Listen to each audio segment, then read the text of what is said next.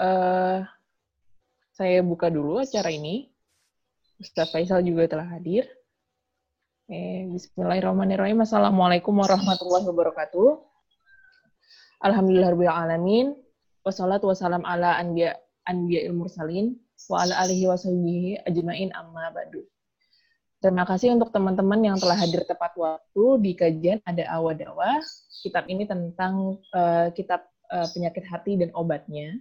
Bagaimana uh, cara uh, menyembuhkan penyakit hati.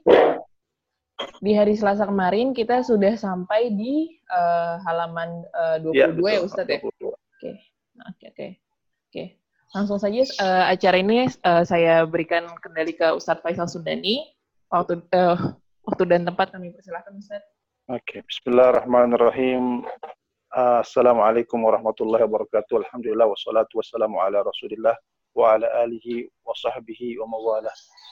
Uh, minggu lalu kita oh, kesempatan yang lalu kita berhenti pada pada beberapa hal yang ditegaskan oleh Imam Ibnu Qayyim al-Jauziyah yaitu beberapa hal yang bisa mencegah doa untuk diterima oleh Allah Subhanahu wa taala untuk diijabah oleh Allah Subhanahu wa taala.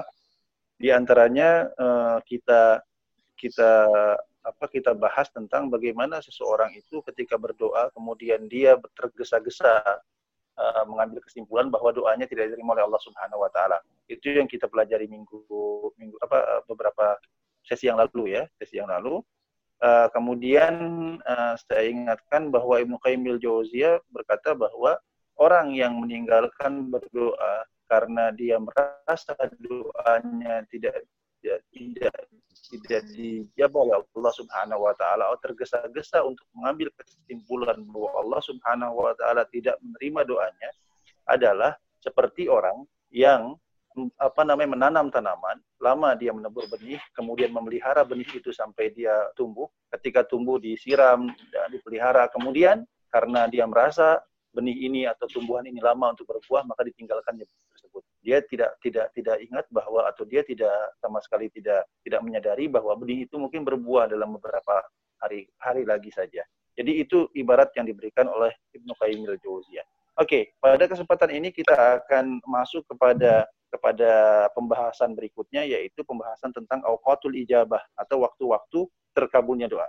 Ya, waktu itu terkabulnya doa.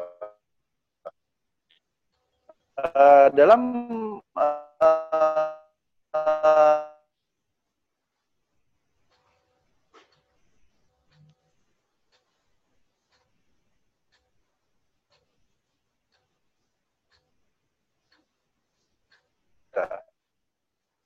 apabila doa itu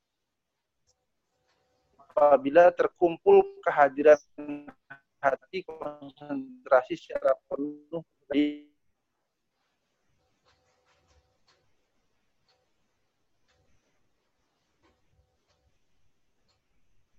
idza jama'a ma'a du'a hudur al-qalb itu adalah sepertiga malam terakhir. Jadi uh, di situ kenceng-kenceng yang berdoa itu sepertiga malam terakhir. Itu sepertiga malam terakhir digambarkan oleh Nabi Muhammad SAW adalah sebagai malam di mana Allah Subhanahu wa taala turun ya uh, untuk apa? Untuk memberikan ijabah kepada orang-orang yang berdoa. Barang siapa yang berdoa diberikan, barang siapa yang punya hajat dimudahkan, barang siapa yang punya kesulitan diangkat oleh Allah Subhanahu wa taala. Syaratnya satu, meminta. Kapan memintanya? Sepertiga malam terakhir. Ini ini ini waktu waktu yang sangat spesial ya. Ini ini ada uh, apa namanya uh, prem, apa premium time. Ini waktu yang yang yang premium ini, sepertiga malam terakhir dan dan untuk mendawamkan sepertiga malam terakhir tidak mudah, memang susah ya, perlu pembiasaan. Yang kedua adalah saat azan. Kapan saat azan? Ketika azan itu berkumandang, ya. Uh, ini ada hadis yang sahih, ya. Dulu sahabat, salah seorang sahabat radhiyallahu anhu berkata kepada Rasulullah Shallallahu alaihi wasallam, "Wahai Rasulullah, ini muadzin ini pahalanya besar sekali." Kenapa pahalanya besar? Eh, karena dia memanggil orang untuk sholat. Rasulullah SAW bersabda di satu hadis yang lain bahwa mandalla ala khairin falahu mislu ajri fa'ilihi. Barang siapa yang memanggil orang untuk berbuat kebaikan, maka dia akan mendapatkan pahala setiap orang yang datang untuk berbuat kebaikan. Nah, bayangkan kalau seorang muadzin azan kemudian yang datang adalah jamaah sholat di, di masjid itu yang berjumlah 100 orang, 200 orang, atau 1000 orang. Muazzin ini terlepas dari apa yang dia dapatkan pahala dia sebagai seorang muazzin, nah dia juga mendapatkan pahala dari setiap orang yang sholat.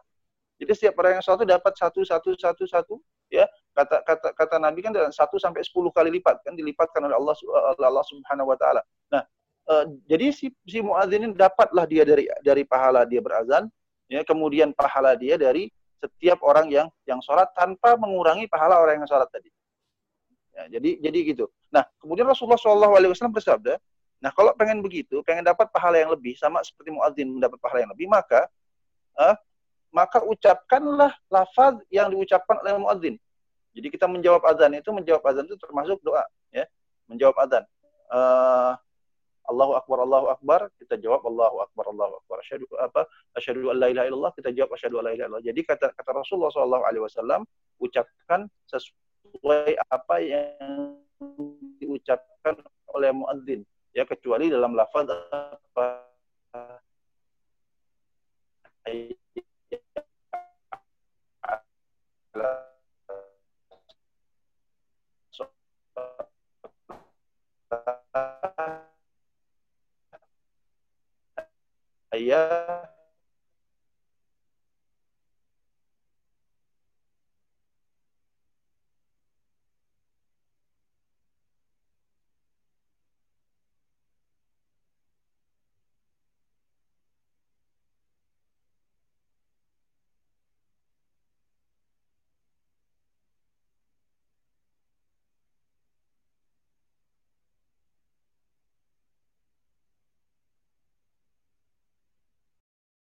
hadis Rasulullah SAW mengatakan bahwa ya uh, ucapkan apa yang diucapkan oleh siapa? Oleh ya, kecuali dalam hayya ala salah, hayya ala falah. Itu itu bagian yang kedua saat azan. Nah, waktu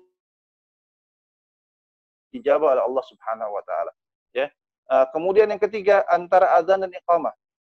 Rasulullah SAW bersabda dalam satu hadis sahih, uh, ad-du'a'u bainal adhani wal iqamati la yurad. Doa antara azan dan iqamah tidak ditolak oleh Allah Subhanahu wa taala. Artinya salah satu waktu yang ijabah diijabah oleh Allah Subhanahu wa taala yaitu adalah antara azan dan uh, untuk itulah uh, sebetulnya kesempatan kalau seandainya antara azan dan iqamah itu ada waktu menunggu waktu menunggu beberapa menit dan beberapa menit itu adalah waktu yang diberikan oleh si imam ya, kepada kita jamaah untuk berdoa kepada Allah Subhanahu wa taala karena waktu itu waktu uh, waktu yang diijabah oleh Allah Subhanahu wa taala ya. Waktu ini ijabah uh, Allah uh, Nabi Muhammad SAW berfirman bersabda as ad-du'a'u bainal adzani wal iqamati la jadi antara antara azan dan iqamah biasanya kita sholat ya sholat sunat sholat sunat itu dua rakaat atau empat rakaat. Uh, nah, masih ada waktu lagi berdoa kepada Allah apa? Karena doa antara azan dan iqamah itu tidak ditolak Allah Subhanahu wa taala, artinya diijabah oleh Allah Subhanahu wa taala. Itu waktu yang keempat yaitu setelah melaksanakan sholat wajib. Kemudian uh, apa namanya uh, antara azan dan iqamah. Kemudian waktu yang keempat ya, waktu yang keempat disebutkan dalam dalam apa namanya dalam dalam versi aslinya. Ini ini sedikit harus ada makanya kita tidak bisa ber apa namanya kita, kita tidak bisa relay kepada buku uh, terjemahan. Kita harus uh, cross check dengan dengan teks manuskrip aslinya ya.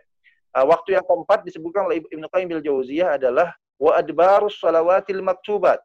Wa adbarus salawatil maktubat. Ini di terjemahannya dikatakan bahwa setelah melaksanakan sholat wajib. Uh, padahal apa namanya dalam bahasa Arab kata dubur sholat itu ada dua ada dua apa namanya ada dua uh, pahaman atau ada dua uh, kesimpulan. Yang pertama adalah wa adbaru shalah yaitu pada akhir-akhir salat. Adbaru shalah akhir-akhir artinya artinya kapan? Sebelum salam. Ya, dubur kullu shalah atau di di akhir-akhir salat. Ya, jadi bukannya setelah melaksanakan salat sebetulnya. Terjemahan apa? Terjemahan yang betul adalah di akhir salat. Ya, di akhir salat. Nah, kapan di akhir sholat? Yaitu ketika setelah kita membaca apa? Tasyahudul akhir. tasyahud akhir, kemudian salawat kepada Nabi Muhammad SAW, ya, kemudian ada ada doa ada doa apa namanya doa dijauhkan dari fitnah Masih Dajjal ya kan. Nah, setelah itu perbanyak doa kepada Allah Subhanahu wa taala karena itu adalah saat-saat di mana doa dikabulkan oleh Allah. Kapan? Di akhir-akhir salat, yaitu sebelum salam. Ya, kalau berdoa setelah salam tidak apa menyebut adbar kulis adbar as-salawatul maktubat. Jadi di apa? Di belakang atau di akhir-akhir salat-salat yang yang wajib. Ya. Di akhir-akhir salat yang wajib uh, seperti diriwayatkan oleh uh, Rasulullah SAW doa-doa yang spesial ya doa-doa yang yang yang direkomendasikan untuk dibaca sebelum taslim. اللهم أعني على ذكرك وشكرك وحسن عبادتك. آه، اللهم ظلمت نفسي ظلما كثيرا. فاغفر لي فإنه لا يغفر الذنوب إلا أنت. فاغفر لي مغفرة من عندك. Uh, banyak lagi doa yang bisa dibaca sebelum apa sebelum salam. Jadi perbanyak doa ya asal dalam bahasa Arab doanya karena sholat ya. Jadi perbanyak doa kepada Allah Subhanahu Wa Taala sebelum sebelum salam karena itu adalah waktu yang dijabah oleh Allah Subhanahu Wa Taala juga. Ya uh, bagaimana dengan setelah sholat boleh setelah sholat berdoa tidak tidak jadi masalah seperti dalam hadis kan uh, azkar setelah sholat kemudian ada Allahumma antas salam minkas salam wa ilaika yaudus salam hayna rabban nabi salam wa dikhilna al-jannata salam tabarak rabbana wa ta'ala ya zal jalali wal ikram ya itu yang keempat. Ya, yang keempat ada di akhir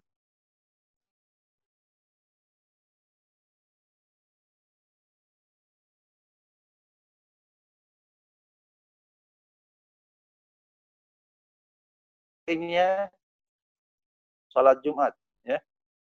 Uh, jadi dalam dalam Jumat alal mimbar hatta taqdi shalah min dzalikal yawm ya uh, saat imam naik ke atas mimbar pada hari Jumat sehingga selesainya waktu Jumat. Uh, ini banyak sekali ada, ada beberapa pendapat tentang waktu ini. Ya, ya pastinya waktu ini adalah waktu yang diijabah doa betul uh, ketika imam naik sampai sampai sholat Jumat itu sel, uh, mengatakan sampai petang hari Jumat itu sendiri uh, karena di antara Jumat itu ada yang satu satu waktu ya satu waktu yang namanya saatul istijabah saatul istijabah adalah waktu di mana doa diijabah oleh Allah Subhanahu wa taala.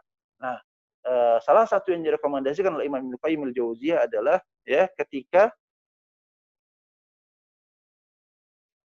imam naik ke mimbar pada hari Jumat hingga selesainya salat yang di yang diberikan oleh uh, rekomendasi oleh Imam Ibnu Qayyim al-Jauziyah. Ya, kemudian yang keenam apa? Yang keenam saat-saat terakhir setelah waktu asar. Ba'dal asar, setelah sholat asar. Setelah sholat asar tuh nggak ada sholat sunnah setelah sholat asar. Nah, tapi apa? Ada waktu berdoa.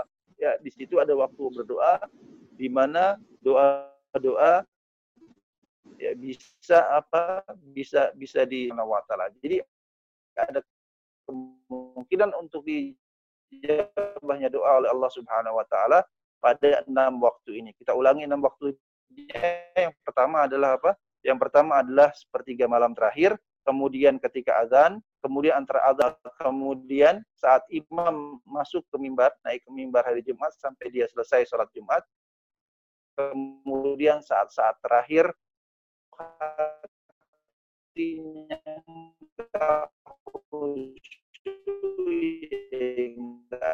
jadi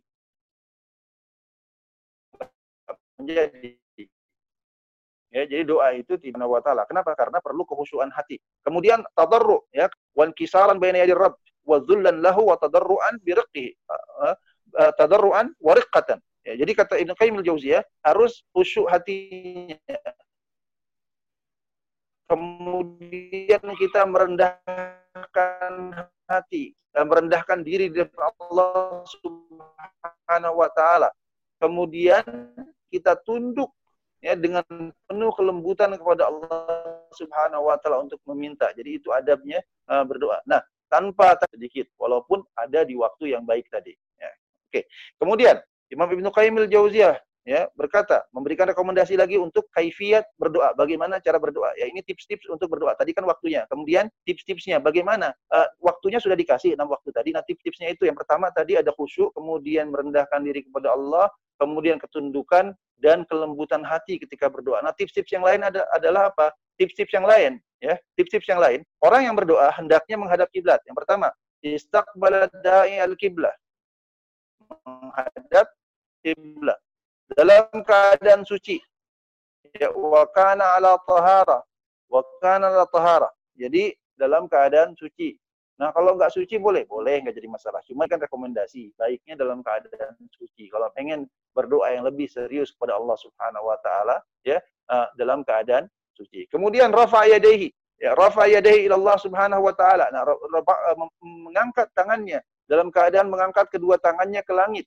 Nah, kenapa? Karena mengangkat tangan itu adalah menunjukkan kerendahan kita dan ketinggian Allah Subhanahu wa taala. Jadi kita kita kita apa? Kita angkat tangan kita ke langit. Ya, kemudian apa? Kemudian bada bihamdillahi wassana'i alaih. Kemudian memulai doanya dengan hamdalah, alhamdulillahirabbil alamin. Ya, uh, memuji Allah, ya. Apa setelah itu? Dan mengucapkan salawat kepada Muhammad Shallallahu Alaihi Wasallam selaku hamba dan utusannya.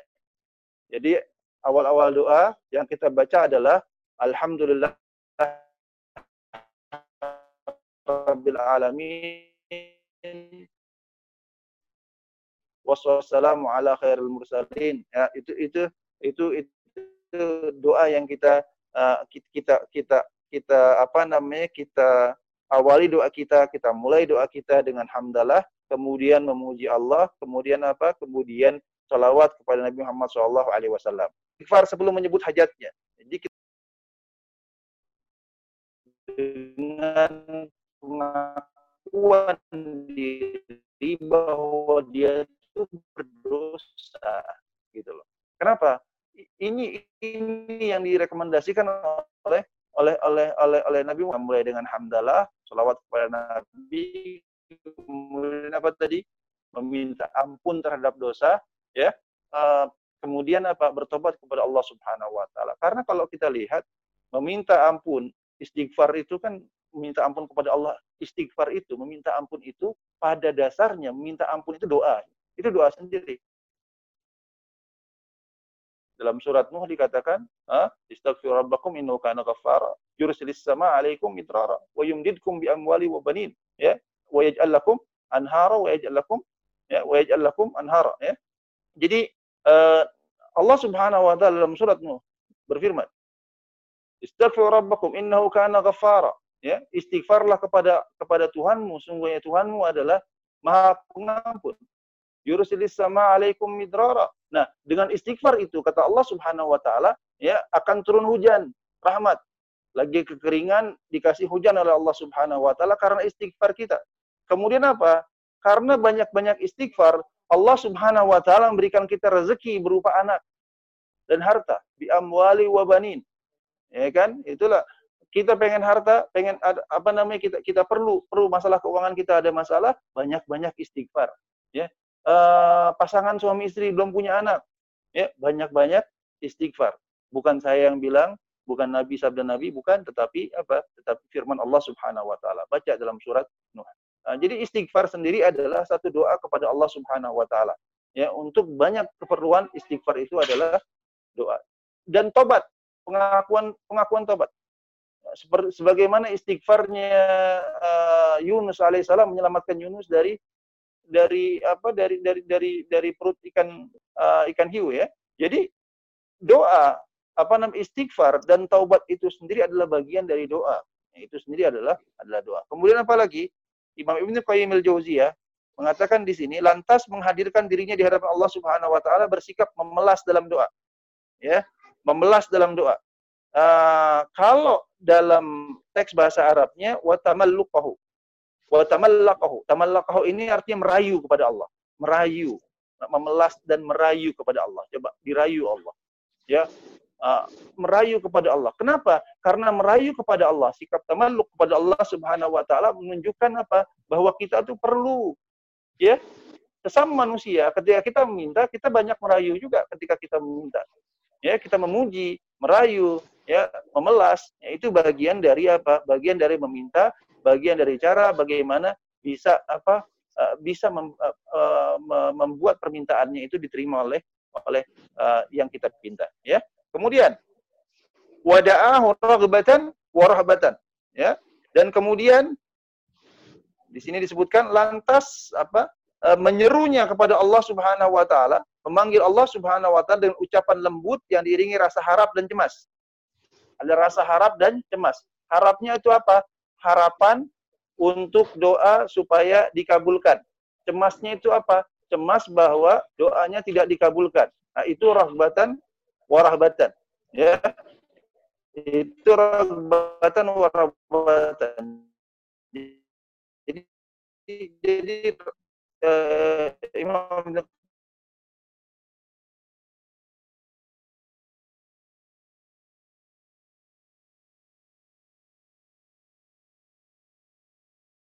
ada tawassul ilaihi bi asmahi wa sifati wa tauhidi. Nanti akan ada contohnya di bawah bagaimana tawassul uh, dengan nama Allah dan sifat Allah. Jadi bahwa nanti akan ada akan ada apa namanya akan ada contoh dari doa yang maksur ya, dari Nabi Muhammad SAW. Jadi menyebut apa sifat-sifat Allah, nama-nama Allah dan tanda-tanda keesaan Allah Subhanahu wa taala dalam doa adalah termasuk adab dalam berdoa. Kemudian apa lagi?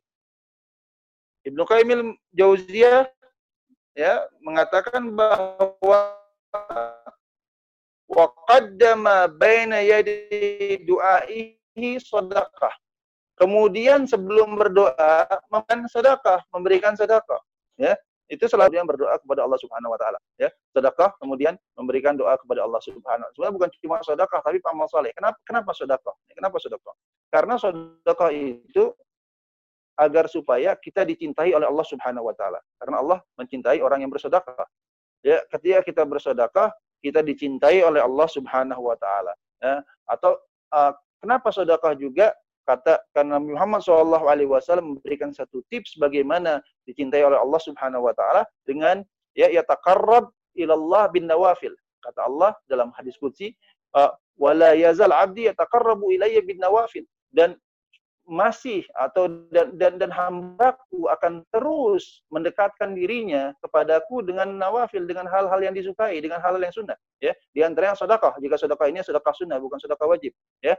Uh, apa yang terjadi? Kata kata kata Nabi Muhammad SAW dalam satu hadis kutsi dikatakan bahwa ketika kita mendekati Allah dengan hal yang dicintai oleh Allah Subhanahu Wa Taala maka Allah akan mencintai kita. Dan ketika Allah akan mencintai kita ya ada satu di akhir hadis ini dikatakan bahwa la in sa'alani la'u'tiyan apabila dia meminta aku maka aku akan memberikan wala in ista'adzabi la'u'idan apabila dia meminta pertolongan daripadaku maka aku akan lindungi. Nah, jadi itu. Jadi kenapa harus kenapa kenapa Imam Ibnu Qayyim al-Jauziyah memberikan tips memberikan sedekah dulu kepada Allah? Karena eh, memberikan sedekah dulu sebelum berdoa. Kenapa? Karena setelah kita memberikan sedekah ya kepada fakir miskin, kepada orang yang membutuhkan, apa yang terjadi? Allah Subhanahu wa taala akan lebih dekat dengan kita, akan mencintai kita dan ketika Allah mencintai kita, maka Allah Subhanahu wa taala memberikan satu garansi memberikan satu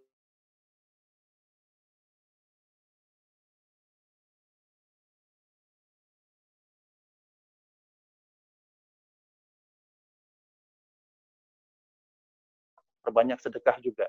Setelah sedekah kemudian kita berdoa kepada Allah meminta kepada Allah Subhanahu wa taala untuk dijauhi dari mara bahaya ini. Nah, kemudian apa? Sambungkan dengan hadis Rasulullah SAW mengatakan bahwa wala inista'adzabi lau idzan. Dan apabila hamba tersebut yang tadi, yang, yang bersedekah tadi, yang melakukan kebaikan tadi, karena Allah Subhanahu wa taala meminta kepadaku pertolongan, maka aku akan berikan dia pertolongan. Itu kata kata kata Allah dalam satu hadis kunci yang diriwayatkan oleh Muhammad SAW.